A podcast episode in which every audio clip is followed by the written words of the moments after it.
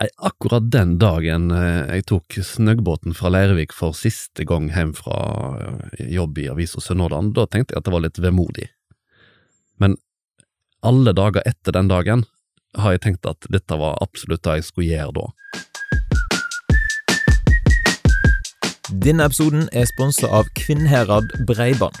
Og De er med som sponsor for at de, som den lokale fiberleverandøren i Kvinnherad, har lyst til å være med og heie på Anders Sortland, som er en super representant for regionen vår. Og Jeg setter stor pris på at eh, det finnes sånne bedrifter som har lyst til å være med og framsnakke og heie på folk som brenner for noe i Sunnhordland. Så hvis din bedrift kunne tenkt seg å være med som sponsor, så er det bare til å ta kontakt, så skal vi se hva som er mulig å få til. Her kommer episoden med Anders Sortland, og den er litt eh, lang, men eh, etter en sånn spørreundersøkelse på Instagram så var folk flest gira på å få alt på en gang. Så jeg håper da at du har lyst til å lytte deg gjennom hele og bli bedre kjent med Anders Sortland. Han har gitt ut eh, barnebøker, ungdomsbøker, romaner for voksne og sakprosa både for unge og voksne, og ikke minst har han gitt ut ei digg eh, kokebok. Men hva er de beste tipsene for å lykkes som forfatter, og hvordan har reisa vært ifra kokkelivet til forfatterlivet? Da og ganske masse mer skal vi få høre om i dag. Velkommen til Sunnhordlandpodden, Anders Totland. Tusen takk. Først må det være lov til å si da at du har jo lykkes som forfatter. Hvordan føles det? Det føles jo godt, og jeg er jo enig i premisset ditt, liksom. Det har gått veldig bra. Ellers så kunne jeg jo ikke gjort dette på fulltid og ikke hatt annen jobb. Nei, for at i mai 2018, da slutta du rett og slett som journalist, tok steg inn i forfatter på fulltid. Hva tenkte du da? Nei, akkurat den dagen eh, jeg tok snøggbåten fra Leirvik for siste gang hjem fra eh, jobb i Avisa Sunnhordland, da tenkte jeg at det var litt vemodig. Men alle dager etter den dagen har jeg tenkt at dette var absolutt det jeg skulle gjøre da. Da hadde jeg, da hadde jeg hatt et halvt år der jeg hadde jobba i halv stilling for å ha tid til å turnere og skrive. Og så hadde jeg ja, jeg hadde gått og pønska en god stund på om jeg skulle fortsette å kombinere da, å være journalist og forfatter. Men etter hvert så begynte jeg å kjenne at eh, hver eneste dag jeg gikk på jobb, så gikk jeg glipp av muligheten til å få gjort det jeg egentlig ville gjøre. Da er du ingen spesielt god arbeidstaker, for jeg hadde jo en jobb som jeg var veldig glad i, og jeg satte stor pris på og hadde i ganske mange år. Og når jeg da merka etter hvert at jeg, det er ikke her jeg har lyst til å være, da fortjente både jeg og de at jeg fant noe annet å gjøre på. Hvordan ser på en måte forfatterlivet ut i dag? Da? Ikke hva bildet folk får i hodet sitt når de hører om en forfatter? sant? Altså, du, du sitter vel på en eller annen veranda og røyker litt pipa, eller har et eller annet eh, å drikke på, og så skriver du litt innimellom. Og... Men hva gjør du egentlig på? Ja, for det, det siste kan jeg jo svare på, men hvordan forfatterlivet er, det tror jeg er like individuelt som hvordan fritida til folk er. For noen har jo arbeidsdager der de setter seg om morgenen, og så skriver de til middag. Men jeg lever på en måte aller mest av å turnere og formidle og besøke skoler og bibliotek og festivaler, som betyr at jeg har jo ingen formiddager ledig til å skrive. Så det jeg skriver, det skriver jeg på Gardermoen og på båten og på Flesland og litt i helgene. Og så har jeg en, en veldig lang sommer og ei ganske lang jul, der jeg sitter i stua hjemme eller under terrassen. Jeg røyker ikke så mye pipe under terrassen, da, men jeg fyrer i varmelampene, og så har jeg bålpanne hvis det blir kaldt. Hvis du da helt i starten her skal gi noen tips til folk da, som lytter og tenker at de har lyst til å lykkes som forfatter, hva er på en måte dine fem eh, beste tips, sånn cirka? Nei, det aller beste er iallfall å prøve. Noe av det som eh, stopper veldig mange som, som har det i seg, av de som faktisk eh, får gitt ut bøker etter hvert, er den enorme angsten for at andre skal se hva du har gjort. Bare det å vise fram teksten sin, arbeidet sitt, ideene sine. Og det går rundt en god del folk som eh, godt kunne gitt ut bøker, som ikke gjør det, i alle fall ikke så tidlig som de kunne gjort, for de er livredde for å vise noen det de har gjort. Jeg har på en måte aldri vært redd for å vise noen verdens ting, som fører til at jeg viser jo fram mye dårlig og, og halvgodt, og, og noe som er bra. Så da å bare slutte å være så redd for hva folk vil mene om det du har gjort, da kommer du langt med det, i utgangspunktet. Og så er jo det, det er jo litt sånn kjedelig og vanlig svar, men vil du bli god å skrive, så bør du lese. For du skal, skal kanskje ikke finne opp alt sjøl. Du kan både lese deg til å bli god å skrive, og lese deg til hva som finnes der ute fra før. Så når jeg, ville, når jeg hadde tenkt at jeg har lyst til å gi ut ei barnebok for en seks-sju år siden, og satt og skrev litt for meg sjøl, og sendte inn manus på manus på manus til alle forlagene, og alt ble refusert, så fikk jeg da tipset som hjalp meg aller mest, det var gå på biblioteket, spør bibliotekarene hva er de nye, gode bøkene nå, lån med deg alle sammen i den sjangeren du er interessert i å skrive sjøl, og les deg. Se hva du syns funker, hva som ikke funker. Ikke husk hvordan var barnebøkene som jeg las når jeg var fem og ti, for det er veldig lenge siden. Ja, det er, det er noe Alt trenger ikke være en trend, men det er noe med å se hvor, hvor ligger landet i dag, hva er det som finnes i dette landskapet her. Hva er det som kanskje ikke finnes der, men som jeg kan være den rette til å fortelle? Og ved å, ved å sette seg inn i det, så er det en slags skriveskole, da. Så lesing er nok i mine øyne den aller beste måten å bli god til å skrive, i tillegg til selvsagt å skrive. Skrive og tørre å vise det fram. Mm. Jeg ser det er noen som, eh, som skal motivere andre til å skrive, som, som sier at du må skrive offentlig. Skriv på Facebook-veggen din eller på en blogg. Skriv det og legg det ut samme dagen. Drit i om det er dårlig, for at du vil hver dag få pussa litt ned på den der angsten da, for å vise fram det du har gjort. Og jeg gjør det sjøl. Jeg skriver ting på Twitter som jeg angrer på i det sekundet jeg har trykt på den knappen. Eh, og så tenker jeg at ja, men da kan jeg stå i, eh, og da blir det litt enklere å stå i når det blir en hurlumhei rundt ei bok jeg har skrevet senere. Hvor mange tips var vi oppi der? Jeg tror ikke vi var helt oppi fem. Jeg tror vi var oppi, oppi tre der, Ja. eh, og, og vi kan, vi kan iallfall klare fire, eh, for du blir refusert. eh, Hva vil det si på, på Nei, norsk? på på godt norsk vil jeg si at noen kommer til å fortelle deg at det du har gjort ikke er verdt noe.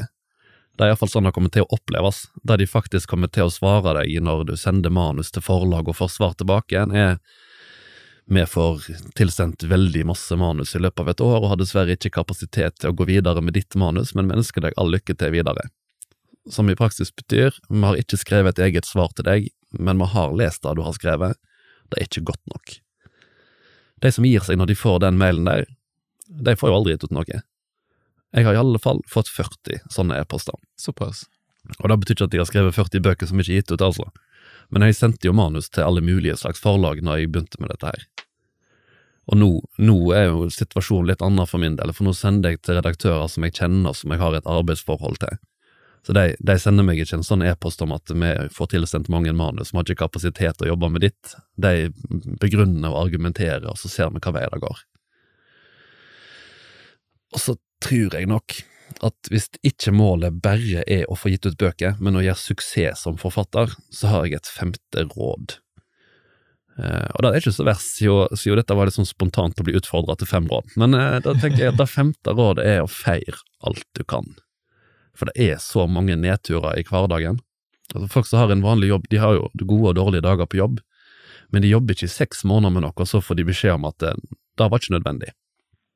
Da bør du iallfall gå til arbeidsgiveren din og klage. Det kan skje hvis du er forfatter, eller to år, og så kommer du bare ikke i mål. For du veit jo ikke om du kommer i mål før du faktisk har kommet i mål, og du får ikke lønn før du er ferdig. Så da er det jo på en måte bortkasta arbeid. Og med alle de nedturene som nødvendigvis kommer, for nesten alle, de kommer i alle fall for meg, så må jeg feire det som går bra. Et manus som blir antatt, en god anmeldelse, bra mengde omtale, mm, en, eh, en korrektur som kommer tilbake igjen når eh, disse språkfolka har sett på det, der de har hatt lite å kommentere. Det spiller jo ingen rolle, de får jo betalt for å se på alt, liksom. Men eh, i min hverdag så er det nødvendig å ha ting å feire, så jeg feirer litt hvis jeg syns at jeg har skrevet lite feil. Det er jo en liten bagatell. Ja, hvordan ser det ut, da, en, en sånn type feiring? Den feiringen eh, ser ofte ut som et godt måltid med en tur på Vinmonopolet, eh, gjerne med noen gjester hvis vi har anledning til det. Eller eh, en lang tur på fjellet med ei god niste og et bål ute i skogen. Så det er, ikke, det er jo ikke en stor, ekstravagant feiring hver gang, men en bitte liten markering i det minste av at nå skjedde det noe bra, Jeg må finne noen jeg kan fortelle det til, og de kan få lov til å synes at det er bra i lag med meg. Det gjør livet litt enklere, og det gjør alle de små nedturene lettere å leve med, tror jeg. Ja, er Sikkert et bra tips for, eh, for andre folk enn forfattere òg, for så vidt. Å feire det som feires kan. Ja, det er jo på en måte å feire livet, da.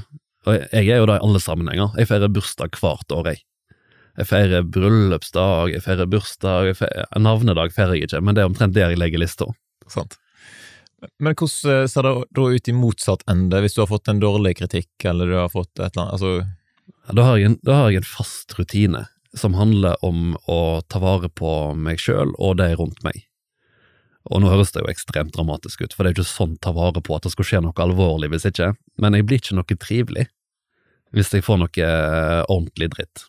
Og det kan være en redaktør som ringer meg og sier at du, dette du har jobba med nå, jeg syns du skal begynne med noe annet. Ikke, ikke en annen jobb, men et annet manus.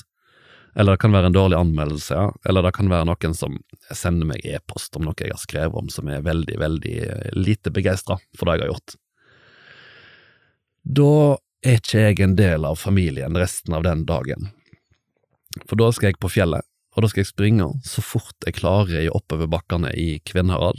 Og alle som har vært på fjellet i Kvinnherad vet at du kommer ganske langt, hvis du bare ikke gir deg der. Så da bruker jeg noen timer på å slite meg så ut eh, opp gjennom fjellet at jeg ikke helt vet hvor jeg skal gjøre av meg etterpå. Går hjem og dusjer, og da har det har fått prosessert ganske mye gjennom hodet på den turen opp gjennom fjellet der, og så får jeg roa ned igjen når jeg går ned. Og så tar jeg meg en dusj, og så åpner jeg en kartong med rødvin. Og så har jeg bestemt at når jeg står opp neste dag, da skal ikke det få prege livet lenger. Den kartongen med rødvin, den preger nødvendigvis livet når jeg står opp neste dag òg. Kan det være da at det hjelper på at du ikke husker så godt hva som Ja, det går jo som regel ikke en hel kartong, da, ja. for dette er jo noe jeg gjør alene. Men eh, jeg, jeg har på en måte bestemt meg for at jeg skal, jeg skal unne meg en kveld til å bare kjenne på hvor ubehagelig og smertefullt det er, og få liksom fråtsa litt i, i det vonde når det skjer noe vondt, enten det er i livet eller ellers. Og, det gjør jeg alene, og jeg gjør det i motbakker på fjellet, for der vet jeg at jeg klarer å, på en måte, å mestre og gå gjennom det jeg synes er vanskelig. Og når jeg kommer ned igjen, da, går ting bedre. Og hvis jeg da legger på en natts søvn, det er jo ikke tull at det alltid hjelper, da skal jeg neste dag være både far og samboer og arbeidstaker. Arbeidstaker er jeg strengt tatt ikke, men jeg skal jobbe videre. Og om det er en dårlig anmeldelse, da får jeg nå bare gå videre neste dag. Er det en redaktør som har gitt meg beskjed om at du, det du har gjort nå, det, er, det kan vi ikke bruke til noe, ja, da skal jeg begynne å jobbe på noe nytt neste dag. Men, men jeg, jeg detter så langt ned på sånne dager at jeg har gitt beskjed til redaktørene om at eh, du må ikke ringe meg for å gi meg dårlig nytt, for jeg er ikke noe trivelig etter du har sagt det du skal si. Send deg en e-post, og så skriver du i emnefeltet 'dårlig nytt'. Så får vi bare gjort under, da. Eh, For det er nødvendig i den jobben jeg har. Det er, jo, det er jo nødvendig med ganske krasse tilbakemeldinger, for jeg er litt dårlig på å skille skitt og kanel sjøl. Jeg setter veldig pris på de folka jeg har som, som gjør den jobben. Jeg har bare ikke lyst å snakke med dem når de gir meg dårlig nytt. Jeg kan, jeg kan høre om hvordan det går med ungene deres dagen etterpå. Hvis vi tar noen steg tilbake igjen, da, ifra eh, forfattertilværelsen til oppveksten. Har du noen høydepunkt? Hvordan var den? Høydepunkt jeg kanskje ikke, men jeg hadde det fint, da. Altså, sånn på det jevne fint. Jeg vokste opp på et byggefelt på Bømlo, i en veldig stor hage. For når, eh, når foreldrene mine som var lærere på 80-tallet skulle bosette seg der, så kjøpte de to tomter attmed hverandre. Eh, Jeg er litt usikker på hvorfor, men det enda iallfall opp med at eh, de bygde hus på ene av tomta, og så hadde vi litt sånn utmark på den andre. Så vi hadde sånn to måls tomt midt på leite på Bømlo. Og der hadde jeg eh, en liten andefarm i en periode, og en liten åkerlapp, og Det var en ganske fri og fin oppvekst, da. Jeg gikk aldri i barnehagen, for pappa var hjemme og studerte. Men det er jo hun jeg bor med, mener av og til at jeg er litt lobotomert, for at det går litt lite opp og ned i mitt liv. Og, og det viser kanskje igjen at jeg, jeg tror ikke jeg har noen oppturer jeg kan trekke fram, men det var et eh, trygt og behagelig liv. Hadde det fint. Men det, men det er litt eh, Det er noe av det jeg syns er det aller fineste med livet. Noen vil synes at det er trist, jeg synes det er veldig fint. Jeg har ingen punkt i livet bakover som jeg noensinne har tenkt at har vært bedre enn der jeg er nå. Jeg har alltid tenkt at eh, der jeg er nå, er bedre enn der jeg har vært. Det er en stigende kurve, eller i alle fall sånn opplever jeg det. Tenker du det er en bra måte å se livet på, da? Ja, jeg òg syns jo det, men du kan jo selvsagt tolke det som at du begynner veldig langt nede. men jeg lever et ganske enkelt og, og privilegert liv, så jeg, jeg, tror egentlig jeg begynte ganske høyt oppe i hvordan jeg sjøl opplever livet, men fortsatt i stigende kurve. Og sjøl i vanskelige perioder så er det ting som går an å sette pris på, som gjør at det, når det har vært på det vanskeligste noen ganger i livet, så har jeg tenkt da òg at jeg har egentlig aldri hatt det bedre før enn det jeg har nå. Hvis du tenker på bøker, da, hvordan var forholdet til bøker i oppveksten? Vi hadde masse bøker hjemme, eh, og, hadde, og, det er litt sånn som mine unger har det, for mamma skrev eh, kristendomsbøker for barneskolen, så vi hadde liksom metervis med, med opplag av eh, jeg husker ikke hva det heter, Under samme himmel eller noe.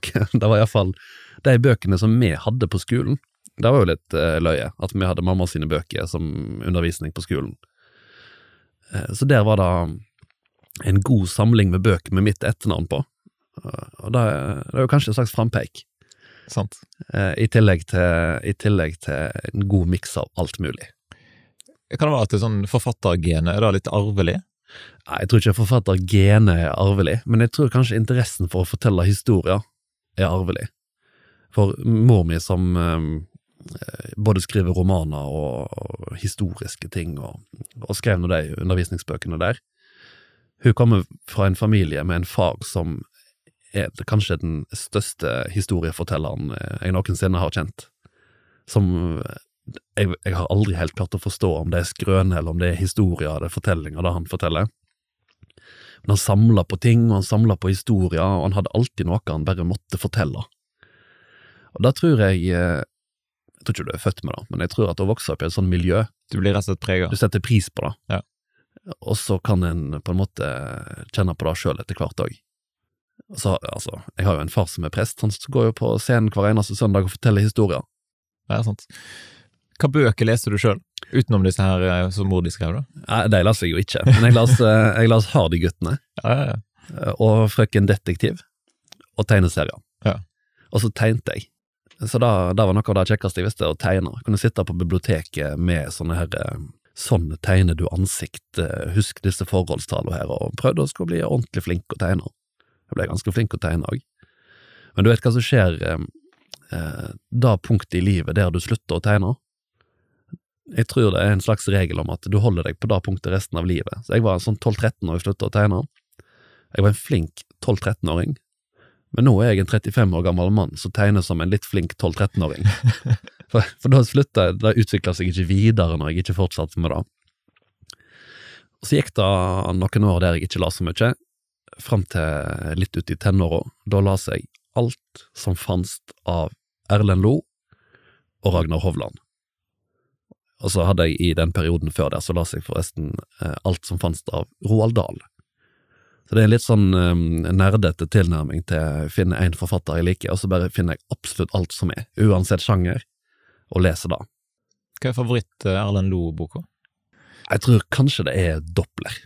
Men jeg, jeg, begynner jo å bli så gammel nå at det er nesten 20 år siden jeg leste de bøkene som uh, kom ut da. Ja.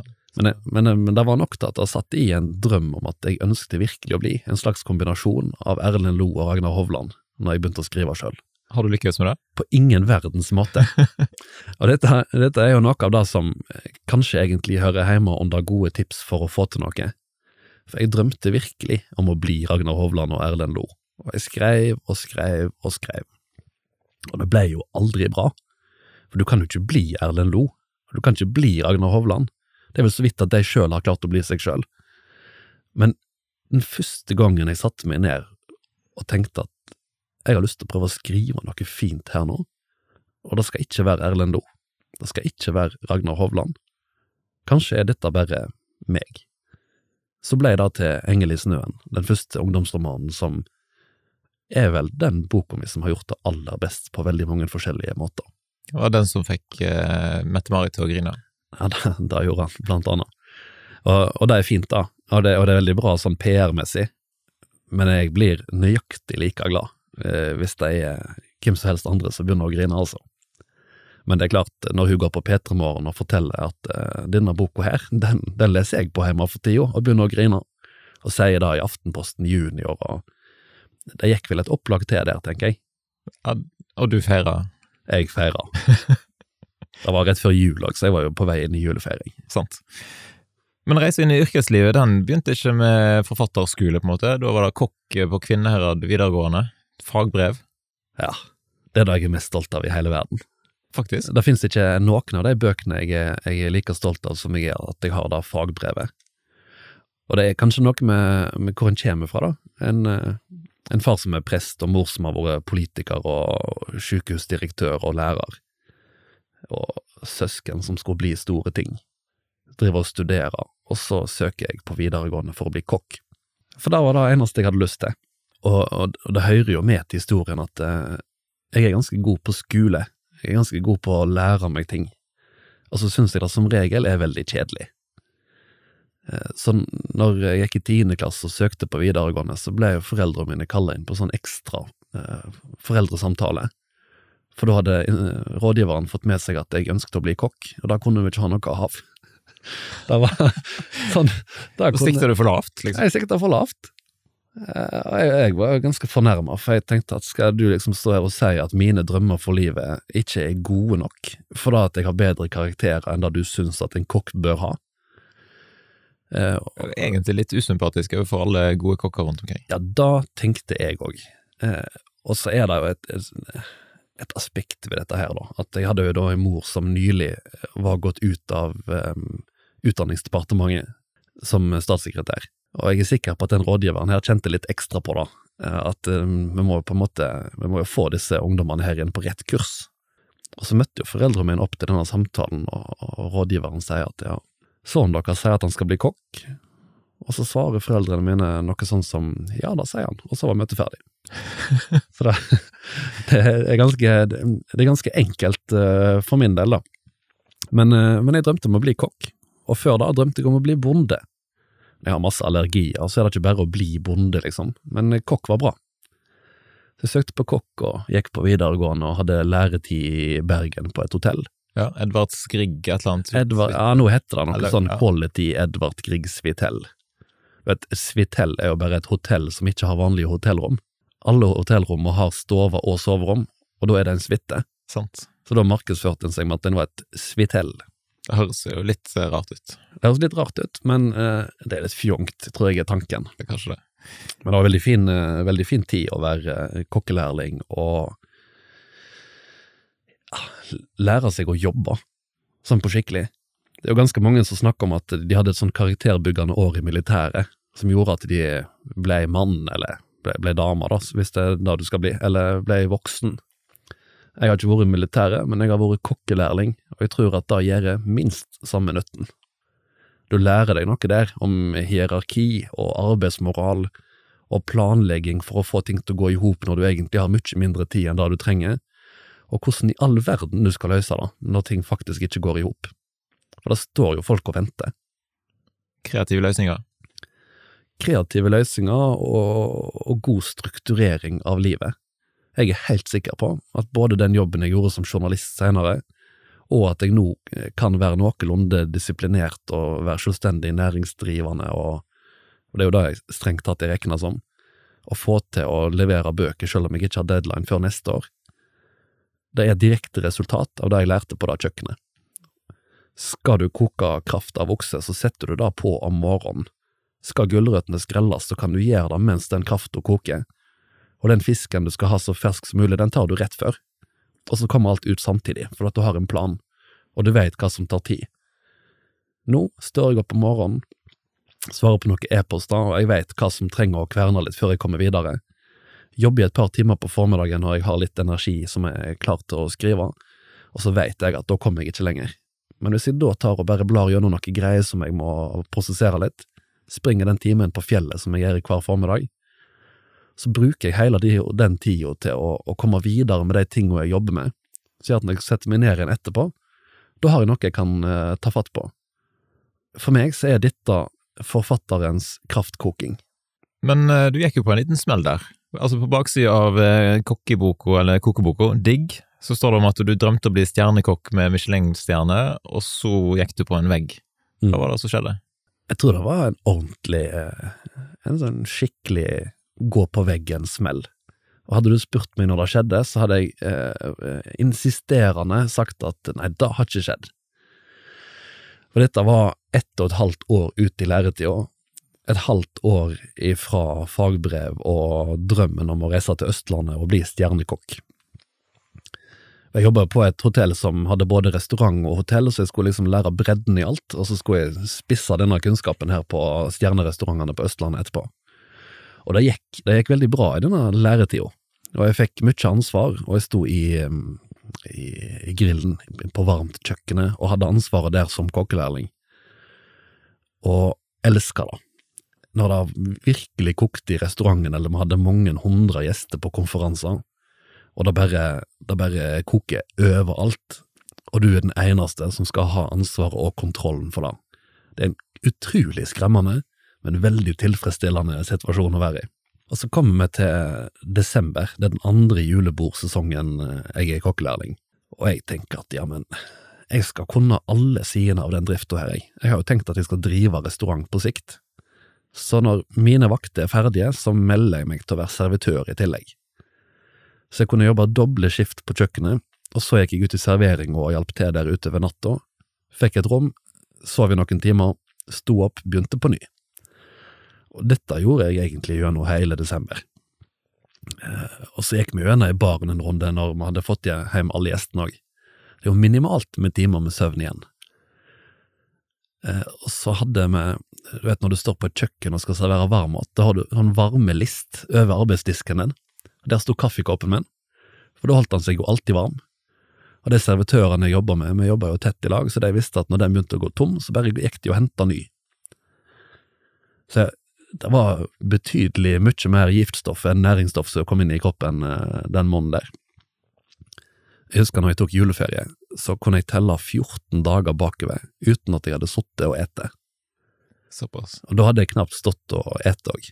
Eh, men da, jeg hadde ikke tenkt at det var et problem, for jeg var jo full av energi og hadde det helt fantastisk på jobb. Jeg koste meg sånn med å ha den tilværelsen der. Og så hadde vi, vi avslutta julebordsesongen med en personalfest. Og den festen var nå en helt uh, ok fest, den. Men når jeg våkna dagen etterpå, så var jeg ikke Jeg var ikke dårlig for at jeg hadde vært på fest. Jeg klarte ikke å bevege på armene. Jeg lå i senga og visste ikke hvordan jeg skulle komme meg ut av den. Nå bodde jeg i en kjellerleilighet på Paradis i Bergen alene og skulle hjem til jul. Og jeg klarte ikke å bevege på kroppen. Jeg tenkte at dette her er jo Dette, dette er ikke bra. Nei, altså, jeg har jo eh, til da i livet så har jeg jo aldri hatt trøbbel. Altså ingen slags form for trøbbel før dette her. Dette er første opplevelse av at ting ikke går av seg sjøl. Og så kom jeg, jeg får slept meg ut i dusjen på et vis. Jeg får tatt på meg klærne og kommer meg til busstoppen og tar bussen til Kvinnherad. Og det er den lengste turen jeg noensinne har reist. Han er jo ganske lang i utgangspunktet. Han er ganske lang. Det var jo den bussturen gjennom Hålandsdalen og Eikelandsosen, og det er ikke en tur du har lyst til å reise. Men her er det, det er rett og slett eh, sånn at jeg lurer på hvordan skal dette gå? Og da er det ganske mange som lurer på, for at jeg går til legen og ser om jeg finner ut av om det er noe problem, og finner ingenting. Men det er ingen krefter. Og alle som spør, så sier jeg at ja, kjenner meg fin, jeg. Kjenner meg egentlig kjempefin, men jeg har eh, kroppen det, er sånn, det er noe greier med kroppen her som ikke funker helt akkurat nå. Enda opp med masse undersøkelser og to måneder der jeg bare var eh, hjemme hos foreldrene mine på, på Husnes, der de bodde da Fikk beskjed av legen om at du må få i deg så masse mat du klarer. Beveg deg litt hvis du kan, men ta livet helt med råd. Eh, et eller annet nedi dette her mage-tarmsystemet som ikke har tålt eh, den vinteren det har vært gjennom, og da ser det ut som det har slått ut hele kroppen. Og jeg tenker jo fortsatt at det hadde vært fristende å si at det var sikkert bare noe fysiske greier. Men det var jo ikke noe fysiske greier som gjorde at jeg ikke klarte å bevege armene mine når jeg våkna den morgenen. jeg har jo helt sikkert brent ut lyset i alle mulige ender. Det er som, som å legge lyset oppå et bål der. Og jeg skjønner jo da nå når jeg ser tilbake på hva jeg holdt på med. Det er jo helt spinnvilt. Eh, men hadde det veldig gøy, og så gikk det veldig dårlig. Og så kunne det jo selvsagt gått veldig mye dårligere, og sånn sett så gikk det jo ganske bra. Men resultatet var at eh, jeg måtte utsette fagprøven, for jeg hadde ikke hatt nok timer. Og dette er jo kanskje litt av det paradoksale i en sånn flinkis eh, hverdag som eh, min, for at jeg går jo på en måte all in i det jeg gjør, og får det som regel ganske bra til. Kjøkkensjefen og, og det jeg jobber med, de hadde jo store planer for hva jeg skulle bli innenfor kokkeverden. Men så får jeg beskjed om at vi får ikke lov å gjennomføre fagprøven for deg, for du har vært for lite på jobb. Jeg bare, ja, men jeg har jo vært på jobb døgnet rundt, hele høsten, men de timene er ikke registrert som lærling. For lærling har ikke lov å jobbe så masse, så det var, var registrert som ekstravakt. Litt ironisk. Ja, så at jeg kjente da kjøkkenet og den restauranten ut og inn, det spilte ingen rolle for det, og det måtte jeg bare leve med. Men det førte jo til at jeg fikk jo ikke søkt meg inn der jeg skulle, der jeg hadde på en måte halvveis avtalt at jeg skulle starte sommersesongen. For jeg ville jo ikke få fagbrevet mitt før til høsten, og du vil ikke bli utdannet kokk på høsten, for du skal starte med den gode sommersesongen. Og så nærmer vi oss eh, mai, og da er, da er skipet seila for lengst. Så kommer kjøkkensjefen og sier at eh, han har snakka med opplæringskontoret. Han har forklart at eh, jeg skal selvsagt ta fagprøven til vanlig tid, for jeg kan alt jeg skal. Jeg har bodd på dette kjøkkenet her i to år nå, og jeg får fagprøve til vanlig tid. Og går på sommerferie uten jobb, men med fagprøve. Og da tenker jeg bare at eh, jeg har ikke tenkt å søke meg noe sommerjobb på noe sykehjem, eller jeg skal bli superkokk, jeg. Og så vet jeg jo at jeg har forstått etter hvert at kroppen trenger noe litt annet, så jeg bestemmer meg for å flytte til Kvinnherad. Ikke hjem igjen til foreldrene mine, men å lege meg en plass i Kvinnherad. Får jobb på den lokale gatekjøkkenrestauranten der bare for å ha noe å gjøre på, og så tar jeg noe fag på videregående. Og så der er jeg. Fortsatt. Jeg kommer aldri vekk igjen. Ja, men du var inno, altså, Den lokale plassen var da Doktor Munch? Der var Doktor Munch. For der står det på LinkedIn-profilen din at du var kokk, servitør, bartender og dørvakt. Jeg har på LinkedIn-profilen, ja. Da må være noen år siden jeg har skrevet. Ja. men, men, det er sant, da. For jeg var ansatt som kokk, eh, og så tok jeg noen vakter som servitør når det var behov for det. Men vi stengte jo kjøkkenet i titida, og da eh, hadde jeg noen vakter der jeg var bartender, men ganske lenge var jeg dørvakt uh, i tillegg. Altså det var litt, ok, Jeg tenkte kanskje det var liksom på samme dag eller samme tidspunkt. Nei, da, det var både, ulike, både ulike jobber. Samtidig. Ja, ok, da er jeg med. så det, hadde, det, var jo en del folk på jobb der. Ja. Så når jeg var dørvakt, da var jeg dørvakt. Da sto jeg der med frakk og dress i døra og skulle passe på at folk eh, oppførte seg. Måtte du kaste mange folk ut? Eh, nei. Eller inn? Dette er noe av det mest fascinerende med dørvaktjobben, i alle fall på en liten plass der folk kjenner hverandre. Eh, for jeg vet jo sjøl at jeg ser ikke ut som noen dørvakt, eh, men de aller fleste skal du jo bare få til å forstå at du har lyst til å oppføre deg bedre enn dette. At du har lyst til å kunne komme her i morgen og se oss i øynene i òg. Og de fleste forstår det. De få som ikke forstår det, da må du uansett ringe til politiet. Det hjelper ikke hvor stor du er. Og samtidig så begynte du på utdanning i samfunns- og utviklingsstudiet. Ja. Var ikke det sånn cirka på den tida der? Jo, det er cirka på den tida. Høgskolen på Stord Haugesund? Ja, for jeg, jeg, tok jo det året eh, hjemme for å ta det med ro, eh, og tok disse fagene på påbygg. Og det, det som skjer mens jeg er på, på skolen og tar de fagene, er at eh, russen, de som er de ekte elevene på den skolen, de skal sette opp russerevy. Og da har jeg i flere år blitt oppringt av videregående om jeg kan være med og spille piano på russrevyen. Og nå er jeg jo der, jeg tar jo fag i lag med russen. Og så blir jeg spurt igjen om jeg kan bli med og spille piano på russerevyen. Så sier jeg til han som har ansvaret for det, Ole Bjarte Røsland, het han som var lærer der da, så at ja, men hva tror du da, hvis jeg blir med og spiller piano, får jeg meg dame da? Ja, det er garantert. Så jeg ble med og spilte piano, og så fikk jeg meg dame. Eh, som var jo grunnen til at i stedet for å reise til Østlandet igjen eh, for å fortsette der jeg hadde planlagt i utgangspunktet, så begynte både jeg og hun å studere på høgskolen sommeren etterpå, eller høsten etterpå. Og hun studerte jo på ordentlig, for hun skulle jo bli lærer og få seg en skikkelig utdannelse. Jeg studerte litt sånn for at jeg visste ikke helt hva jeg skulle, hvis jeg ikke skulle være kokk. Men jeg visste at samfunnsfag det er jo noe som eh, jeg er interessert i. Men ganske raskt så fikk jeg jobb som journalist. Eh, og da hadde jeg jo ikke så mye tid til å studere, så jeg er en ganske sløv student. Men jeg fikk studentrabatt på båten att og fram mellom Kvennerad og Stord. Jeg fortsatte, jeg fortsatte å studere i mange år etterpå. For du vet, alt du trenger for å få studentrabatt på båten, det er jo å ha betalt semesteravgift. Det koster jo sånn 500 kroner, og så får du studentrabatt hele året. Men eh, jeg er jo litt samvittighetsfull, da, så jeg tok eksamen òg. Så jeg, studerte helt på skikkelig i ganske mange år videre. Så jeg har ørten studiepoeng i fag som jeg ikke vet hva jeg skal bruke til. En såkalt allmenndannelse. Kan jo komme godt med. Vet aldri. Men eh, journalistyrket, da, hva var det som tiltalte deg med det? Egentlig ingenting. Det er ren slump.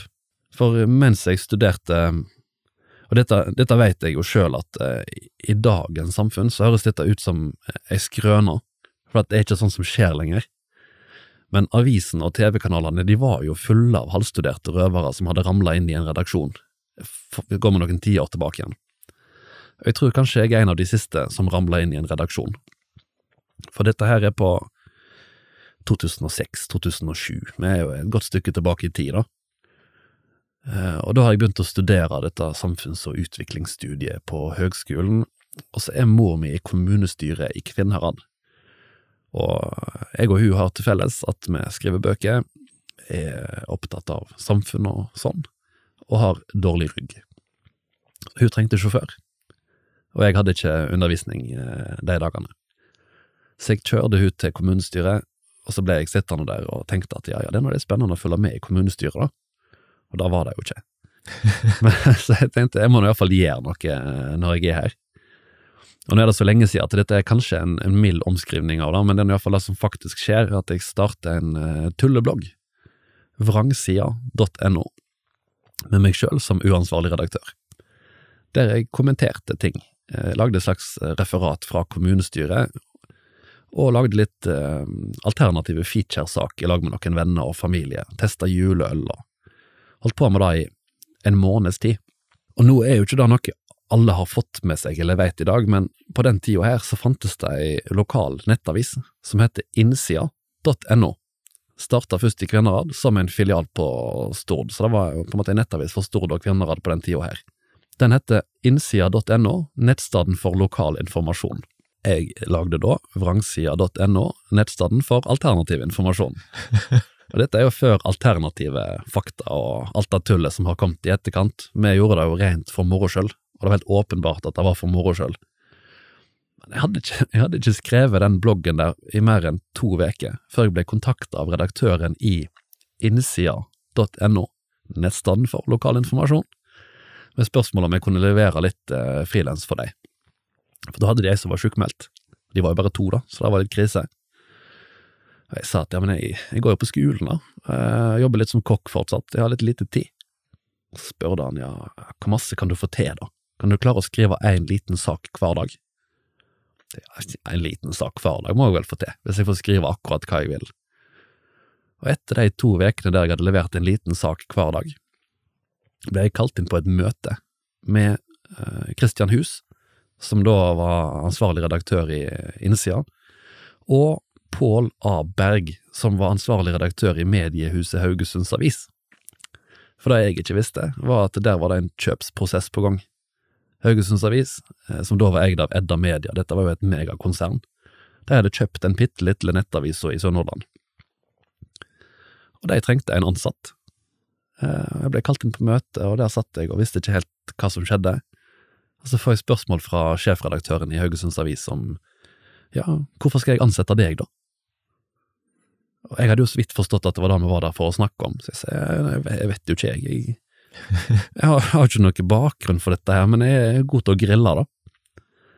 Og så lo han litt godt, og så kikket han bort på Christian Hus, som eh, er jo en sånn gammel eh, avis, nestor i Kvinnherad, som nikka litt sånn, ja, du må ansette han også. Og så fikk jeg fast stilling som journalist. Fikk beskjed om at nå må du slutte på sykehuset der du jobber litt, og må slutte som kokk, og de studiene er jeg ikke så nøye med. Nå er du journalist. Og etter det har jeg vært journalist. Det står forresten enda på LinkedIn-profilen din at du jobber for Sunnhordland som journalist. Ja. Sånn sett. Det, er jo, det sier litt om når den ble oppdatert sist. Men uh, det er ikke helt Det er jo selvsagt helt feil, da. Det er en sånn, faktisk så er det helt feil.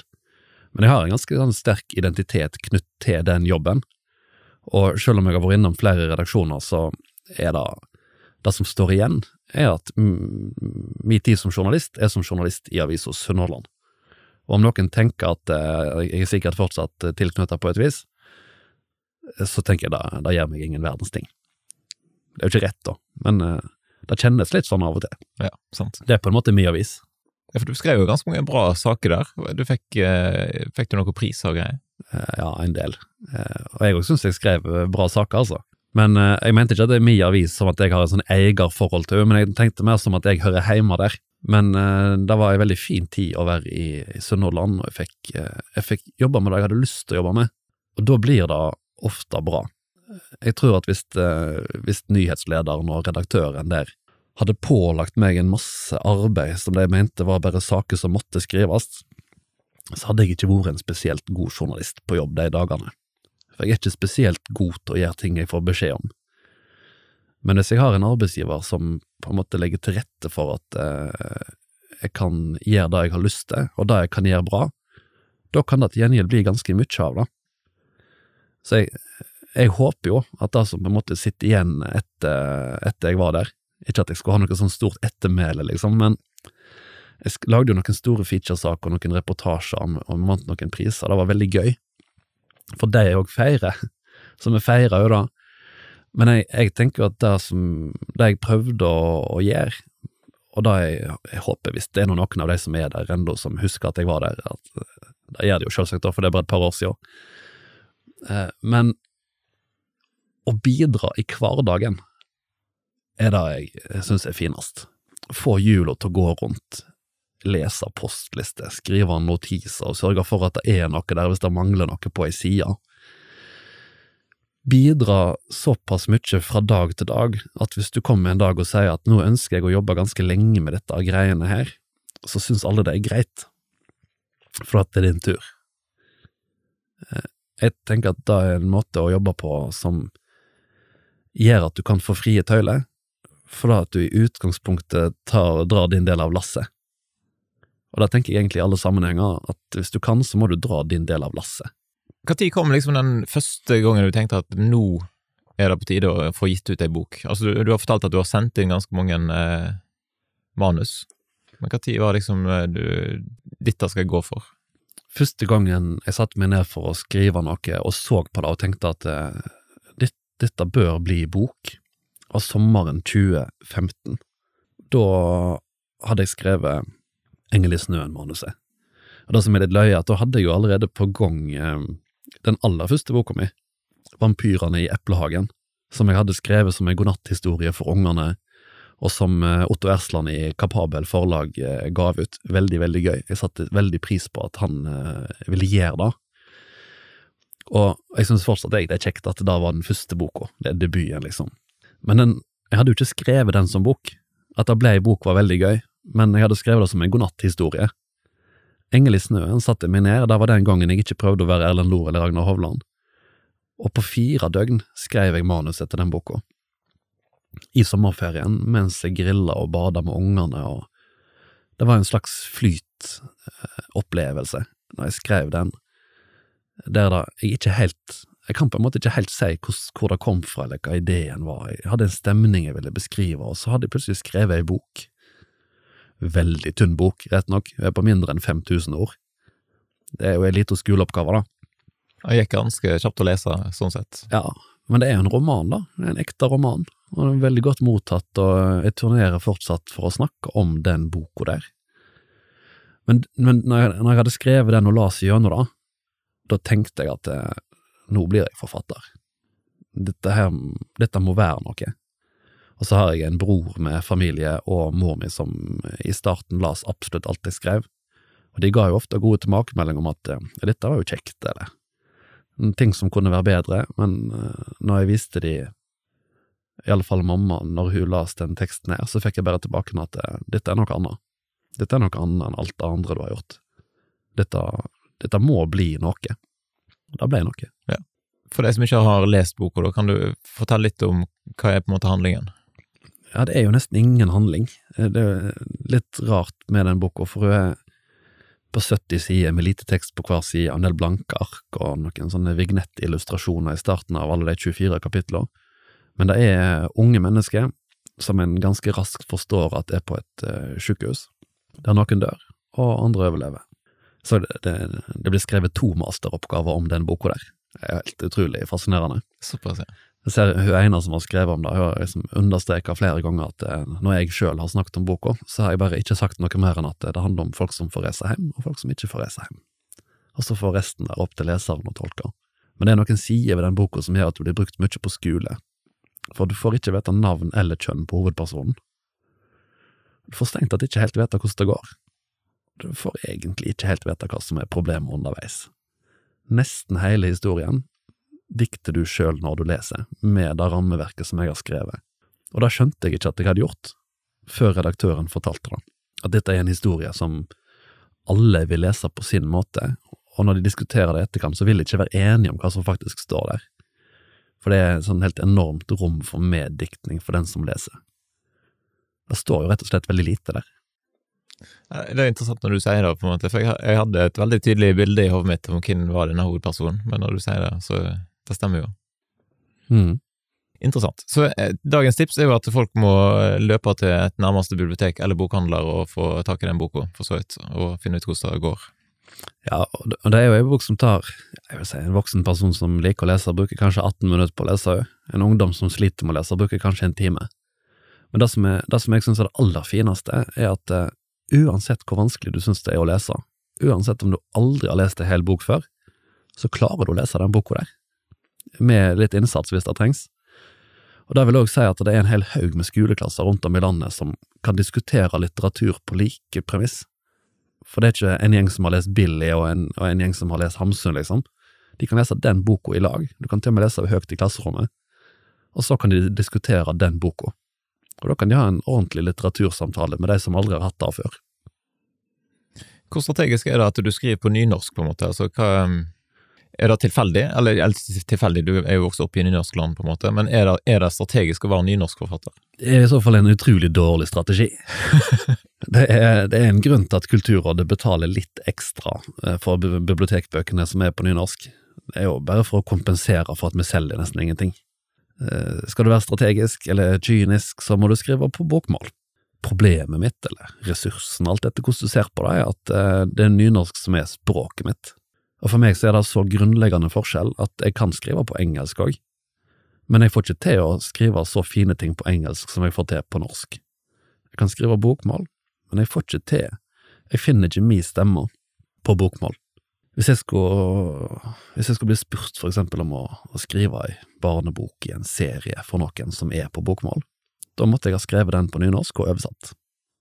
For det er sånn jeg finner orda og flyten og sammenhengene, for, for nå snakket vi litt om at jeg har litt rar utdannelse, men jeg har jo ingen skriveutdannelse, og jeg har ingen, eh, jeg er ikke, jeg er ikke god på regler. Jeg veit egentlig ikke hvorfor det funker, det som funker av det jeg gjør. Eh, Når jeg sitter og skriver, så nunner jeg. Dette er grunnen til at jeg kan ikke ha folk rundt meg. Det er helt utrolig at eh, gjengen i Sunnhordland lot meg sitte i åpent kontorlandskap. For det høres ut omtrent sånn som dette. Sånn høres det ut hele tida når jeg sitter og skriver. Såpass. Jeg hadde ikke takla det. Nei, det er helt krise hvis du er ute blant folk. Men da sitter jeg og nunner teksten mens jeg skriver den. Eh, For jeg kan ingen skriveregler, men jeg har en slags sånn innebygd eh, musikalitet. Jeg spiller jo noen instrumenter, eh, men når, når jeg sitter og skriver, så, så er det da jeg bruker for å se hva som fungerer. Og det mest fascinerende. Eh, Da jeg jobbet som journalist og hadde kollegaer som spurte om jeg kunne lese teksten deres for dem og gi noen tilbakemeldinger, så gjorde jeg jo det samme. Jeg ga jo tilbakemeldinger ut fra hva jeg syntes fløyt sånn når jeg satt og nunna det, og de var jo alltid glad for tilbakemeldingene. Kan ikke si hvorfor jeg syns du bør forandre dette og sånn, men da flyter det bedre i mitt hode. Så det er, en, det er nok en eh, notelinje der inni hodet mitt når jeg leser teksten, eh, som jeg vet hvordan bør forandres på, men jeg kan ikke forklare det med et tekstspråk. Har du skrevet sangtekster? Jeg får det ikke til. Eh, Jeg har prøvd, det blir klissete og dårlig. Jeg har, jeg har lagt noen få melodier, men eh, jeg får ikke helt til det heller. Du skriver jo om ganske alvorlige temaer, da. Altså sykdom var nevnt her. Eh, død og, og selvmord og eh, slavehandel, pandemier, og ikke minst vindmøller, som er veldig alvorlig for ganske mange, fall. Hvor kommer disse mørke temaene ifra? Ja, det var jo litt av en miks av det. I, eh, altså, å skrive dokumentar om eh, kampen mot vindkraft det handler rett og slett om fascinasjon for engasjementet. Og Det er jo litt det som drev meg når jeg var journalist òg. Så der, der har jeg på en måte bare tatt fram journalisthatten igjen. Og det er jo ikke et mørkt tema, det er bare et veldig konfliktfullt tema. Ser at eh, det, det er jo der jeg får mest kjeft. Mens disse eh, historiske sakprosabøkene som jeg skriver for eh, ungdom og, og gamle menn med skjegg, om slavehandel og uærlige yrker og smittsomme sykdommer, det er, det er en litt sånn praktisk ting. For eh, de bøkene der skriver jeg ikke før forlaget og jeg er enig om hva det skal handle om. Der pitcher jeg på en måte en idé. Jeg foreslår ting, og så spisser vi det litt i lag, og så skriver jeg boka. Og de ønskte den typen bøker. Jeg foreslo en masse andre ting òg, men den litt sånn mørke, norske, ukjente historien, den tente redaktøren min Bodil Gyldendal på, og redaksjonen der, som gjorde at det hadde blitt flere bøker av. 50 kommer etter hvert, den òg. Og fem bøker i det som ser ut som en serie der, det er jo ganske mye, da. Men, men det er ikke sånn det er ikke at jeg brenner så voldsomt for historie, eller at alle må bli henrettet i bøkene mine. Det er, det, det aller mest at uh, da mente de at uh, dagens ungdom trenger, og så at jeg hadde noen ideer som kunne fungere til det. Og så prøvde vi, og så gikk det veldig bra. Mens i, i skjønnlitteraturen, der selvmord skjer, og incest og død og sykdom, det er jo, det er jo fryktelig mørkt.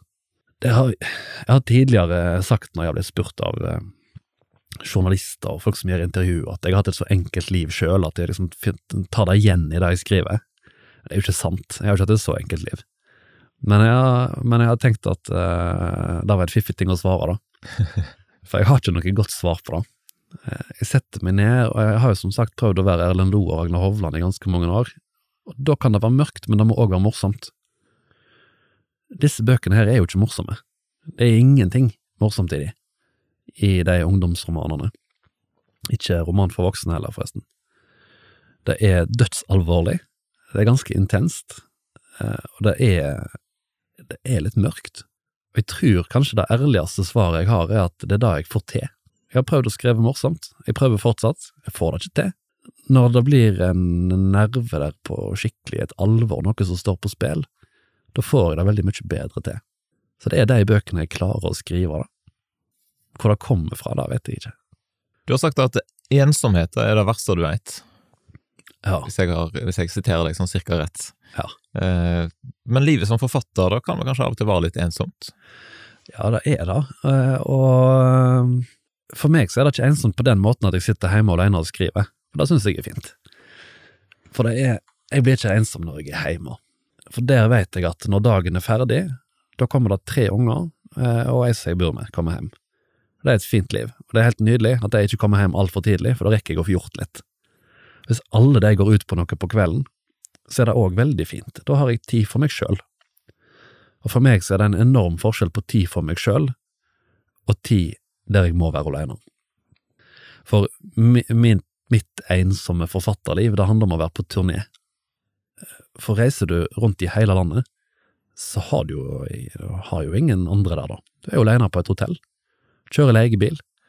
Opplever helt fantastiske plasser, men får eh, bare en brøkdel av gleden med å se dem, for at jeg har ingen å dele det med når jeg er der. Og det er ordentlig trist, enkelte ganger. Jeg kan sitte på et hotellrom eller på et hyttenaust eller hva det er de har lagt meg inn på der jeg er på turné, og tenke at hvorfor i alle dager gjør jeg dette her? Jeg har det jo så vondt når jeg sitter her nå. Jeg har ingen glede i dette her i det hele tatt. Jeg har det bare helt forferdelig. Og så hører det jo med at jeg har det helt fantastisk når jeg står på den scenen på formiddagen, ute og holde et foredrag på kvelden. Og det er jo, jeg trenger jo ikke være våken så veldig mange timer etterpå, men på en dårlig dag så rekker jeg allikevel å kjenne på at dette er det verste jeg gjør i løpet av et år. Det å være her alene nå, og jeg har ingen mulighet til å finne noen som jeg bryr meg om. Jeg har jo mulighet til å gå på en pub og treffe folk, men jeg liker ikke folk. Jeg liker folk som jeg bryr meg om. Og de er ikke der.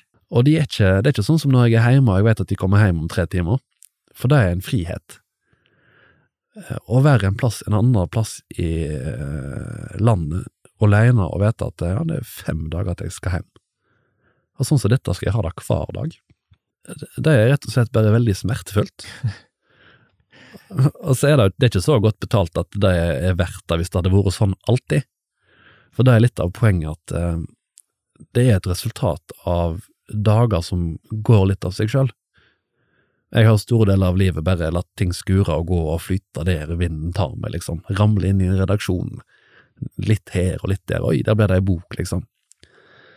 Men um, etter jeg ble 30, kanskje til og med bare de siste tre åra, så har jeg i mye større grad tatt bevisste valg om, om hva vil jeg med livet, liksom, og hva, hva skal dagene gå til? Og da er disse skikkelig vonde dagene på turné de er et resultat av at jeg ikke får til det akkurat da. For jeg har òg veldig fine dager på turné, der jeg står opp, gjør det jeg skal, føler meg opplagt og ringer hjem og snakker med ungene som har kommet hjem fra SFO, etter middag går en tur på fjellet, har det foredraget, svømmer en time i bassenget som er i nærheten, går og jobber litt på hotellet og legger meg og har det helt fantastisk. Men den strukturen eh, som, som gjør at det blir bra, for det er da jeg har blitt så gammel nå at jeg har lært meg at hvis jeg har en god struktur på dagen og gjør de tingene som gjør at jeg har det bra, går på fjelltur selv om det ikke er mitt lokale fjell, får sitte meg rundt den plassen jeg er, går i svømmebassenget på kvelden selv om det er noen supertrente atleter der og svømmer, som i utgangspunktet ville jo gitt meg kjempekompleks. Jeg må bare gjøre det, for jeg har det veldig mye bedre når jeg gjør det, og da kan jeg eh, ha det veldig fint alene på ei rorbø i Nordland, liksom. Men når det flyter litt ut, har ofte en sammenheng med hvis jeg blir litt forkjølt eller gjør ting som gjør at jeg bør ikke presse meg opp gjennom fjellet, da blir livet så utrolig mye mørkere, og det er en vond sirkel, for du vil jo ikke gå på tur hvis du har det skikkelig dritt. Du vil iallfall ikke gå i bassenget med masse folk du ikke vet hvem er.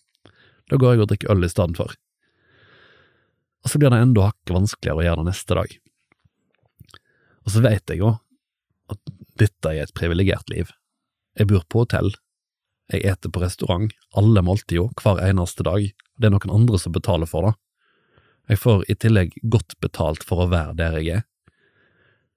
Og å skulle sitte og sutre over, over hvor vondt og vanskelig det er, da er du på toppen av behovspyramiden, altså. Men eh, mitt poeng er at eh, alle kan ha det ganske vondt hvis ikke en gjør de tinga som gjør at akkurat ditt liv blir bra.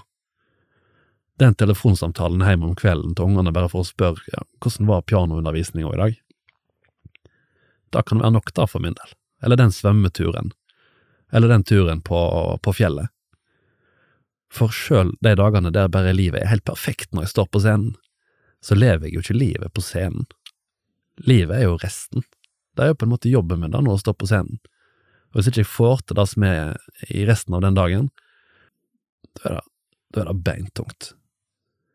Og, det, og for meg, det, det, utspiller seg på sånne måter at jeg, hvis jeg er kanskje en time ut forbi Oslo, så kan jeg sette meg på toget inn til Oslo bare for å møte søstera mi og dattera hennes og, og samboeren, mannen hennes, som bor der, en halvtime. Og så ta toget tilbake igjen, for da har jeg møtt noen folk som er en del av mitt liv. Eh, for det er en det er en ubehagelig følelse å være vekke, og nå har jeg noen lange turnéperioder, da, det skal jeg kutte litt ned på, men å være vekke og kjenne at eh, nå er jeg egentlig ikke en, en, del av mitt eget liv. Nå bare driver jeg med noen sånne greier som jeg har avtalt for lenge siden, for da tjener jeg penger på, og det er lurt, og mange andre som synes det er kjekt å ha en sånn jobb, så det er sikkert bra. Men hvis det fører til at jeg på en måte ikke tar del i det livet som jeg egentlig ønsker å leve, da, så er det har verdt så mye lenger. Hvordan ser livet ut framover? Kommer du til å endre på, eller kjøre mindre turneer? Eller hva er liksom planen din framover? Ja, dette er jo noe av det som eh, er litt rart med tanke på at jeg tenkte jeg skulle få en så fri hverdag når jeg ble forfatter på fulltid. Realiteten er at jeg gjør avtaler 18 måneder fram i tid. Så det øyeblikket jeg bestemmer meg at jeg skal trappe ned, så er det ganske på lang sikt. så når jeg nå har eh, snakka med hun sjuåringen min som syns jeg er for mye vekke, og jeg sier at men vet du hva, Jeg skal nesten halvere reisemengden nå. Jeg skal være hjemme annenhver uke i utgangspunktet, og da begynner når du begynner i tredje klasse. det er jo over et halvt år til, så for hun er jo det helt fjernt at ikke det kan skje før hun begynner i tredje klasse. Men jeg har jo en fast planlagt turnéplan eh, til, fram til mai, eh, så da kan jeg på en måte ikke gjøre så masse med uten å avlyse masse kontrakter, og, og det går fint da, altså. Men eh, fra, fra neste skole høst av, det er jo, jeg følger skoleruta når jeg turnerer stort sett, og hva type altså turné, det høres ut som litt sånn rockestjerne, på en måte. Hva, er, det, er, det, skoler det går mest i, eller hva type oppdrag er det? Det, er litt rock, det føles litt rockestjerneliv av og til, for jeg er jo på festivaler og, og gjør en del um, sånne opplesningsjobber, og av og til med noen instrumenter, men det jeg gjør aller, aller mest, sikkert 95% av de oppdragene jeg har, er for Den kulturelle skolesekken eller for bibliotek, som betyr i praksis at jeg er gjest på, i klasserom tre ganger til dagen.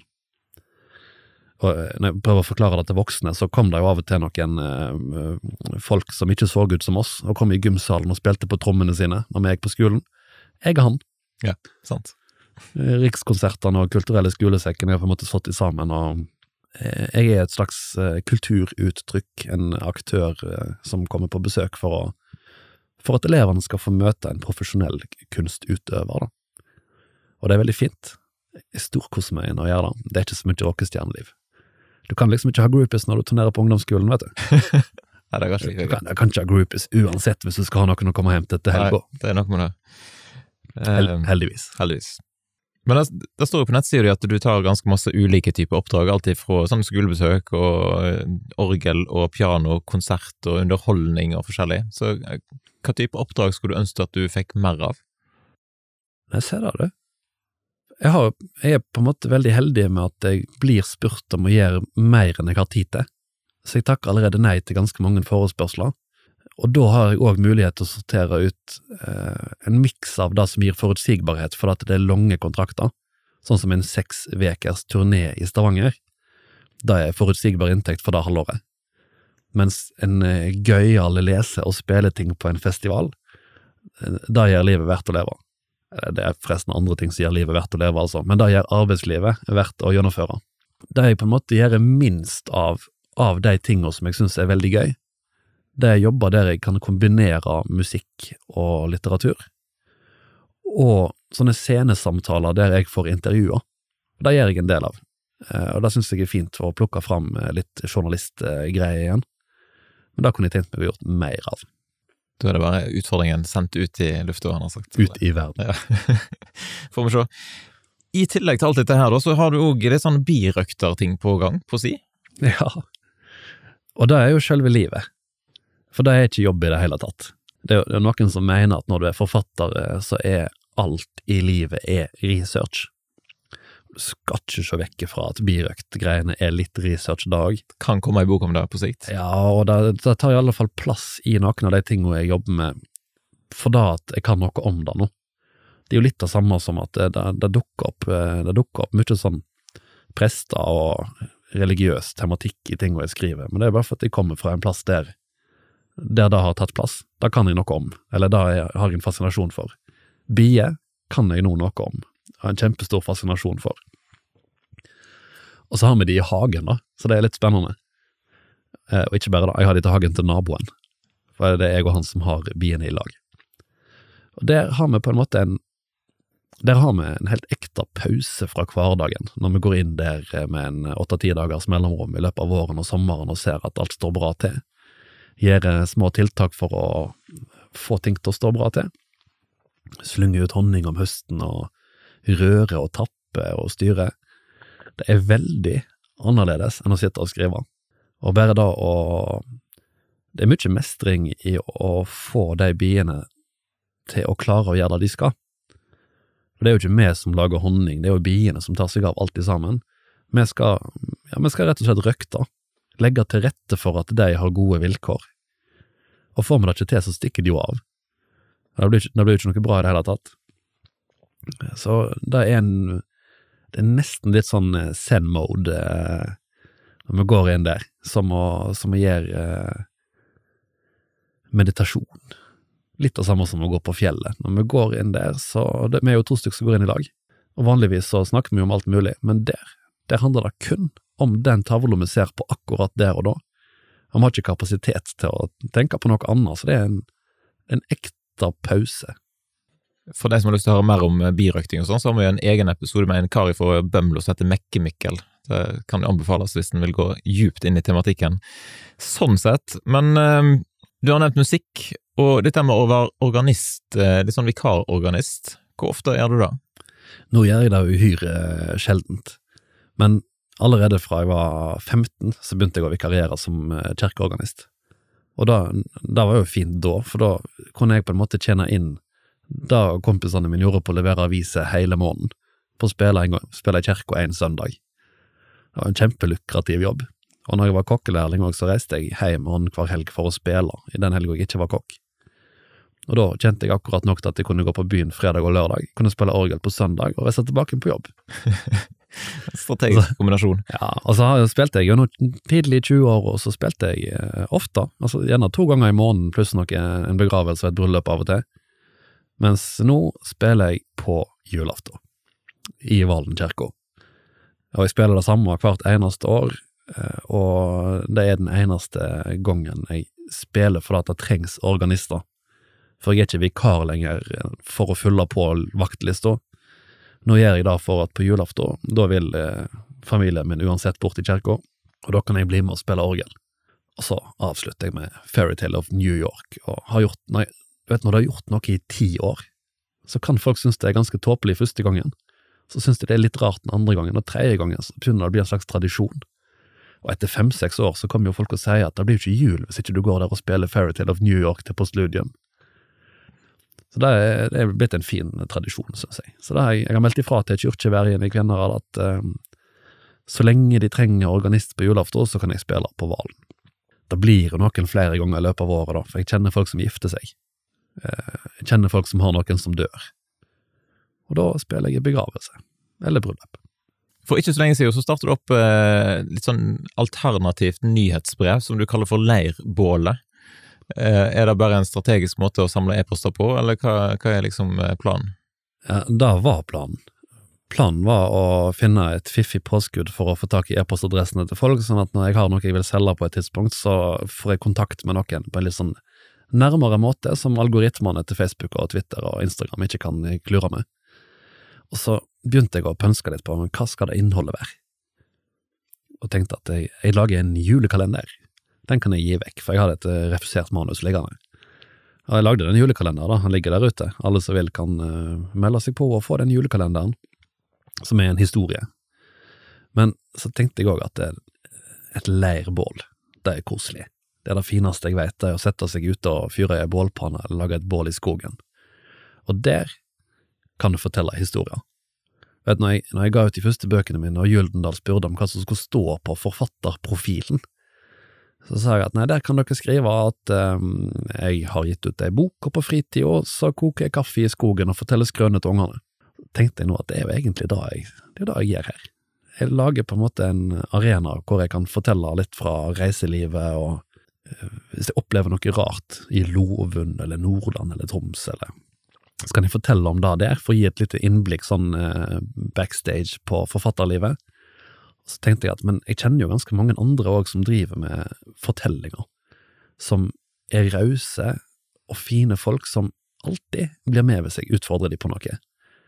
Så da inviterte jeg med en hel haug med forfattere og filmskapere og musikere og forskjellig til å gi sine fortellinger, sine beste tips til folk som har lyst til å bli gode og fortelle historier sjøl, skrive sanger, skrive bøker, dikt, hva som helst så har det på en måte allerede etablert seg nå til at uh, ca. en gang i uka så sender jeg ut uh, med en ny gjest som setter seg rundt leirbålet, og som jeg har en prat med der. Som er skriftlig, da, så du kan liksom få det opp på PC-en din i lunsjpausen på jobb. Så det er Jeg syns det har blitt skikkelig fint. Og nå er det litt sånn underordna hva jeg skal bruke det til, for nå har, jeg, har det, tenker jeg, en verdi i seg sjøl det innholdet som kommer der, og alle de folka som ønsker å bidra, og de som vil sitte og være med. Det er blitt et fint prosjekt. Det tar masse tid, da. Jeg får ikke ja. brukt det til noe sånt for min egen del, men jeg syns det er fint. Så hvis folk har lyst til å skrive seg på, så er det inn på nettsida di? Ja. Slett søk opp eh, Søk opp Anders Totland, så finner du det. anderstotland.com, og da kommer du til ei side der jeg har informasjon om bøker og prosjekter. En liten YouTube-serie med formidling av gammel fakta ligger der ute. ja, frokost, fakt, eller faktisk, Faktisk frokost, ja. Ja. Måtte jo gjøre på noe når landet ble stengt i fjor. I tillegg til at det finnes en masse plasser der en kan skrive inn eh, e-postadressa si og få bli med på denne e-postlista, da. Med utsending av tips og triks og kjekke historier. forskjellig. Og så må jo nevnes da at du er jo en av de som fortsatt er aktiv på Twitter. Å ja da. Relativt eh, ganske aktiv. Eller mye aktiv. Ja. Eh, Det er Det er jo kanskje der jeg aller oftest eh, utfordrer meg sjøl på å, å stå i det når jeg har sagt noe dumt. For der, eh, der gjør jeg jo alt fra å fortelle om ting som skjer på jobb, eh, legge linker til intervju som kommer, eller anmeldelser, og fortelle om ting som skjer, men òg til å diskutere med folk.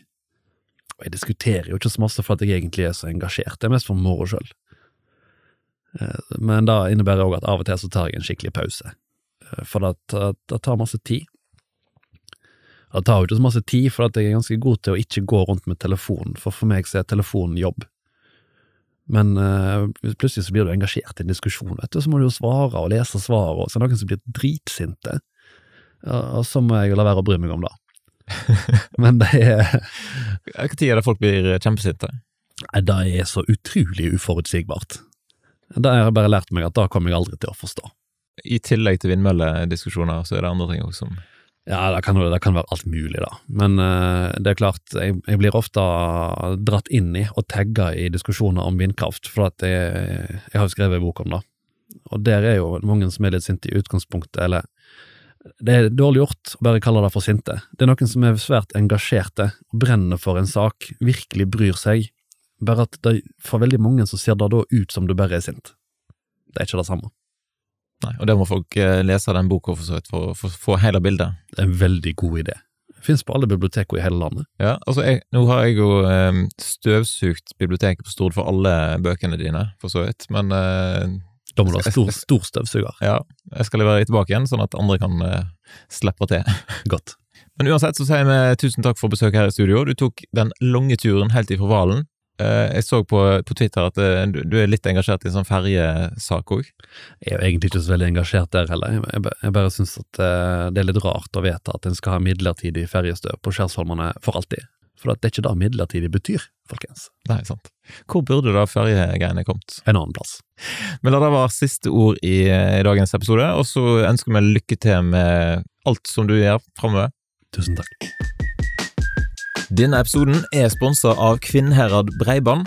For deg som er den lokale fiberleverandøren i Kvinnherad, har lyst til å være med og heie på Anders Totland, som er en super representant for regionen vår.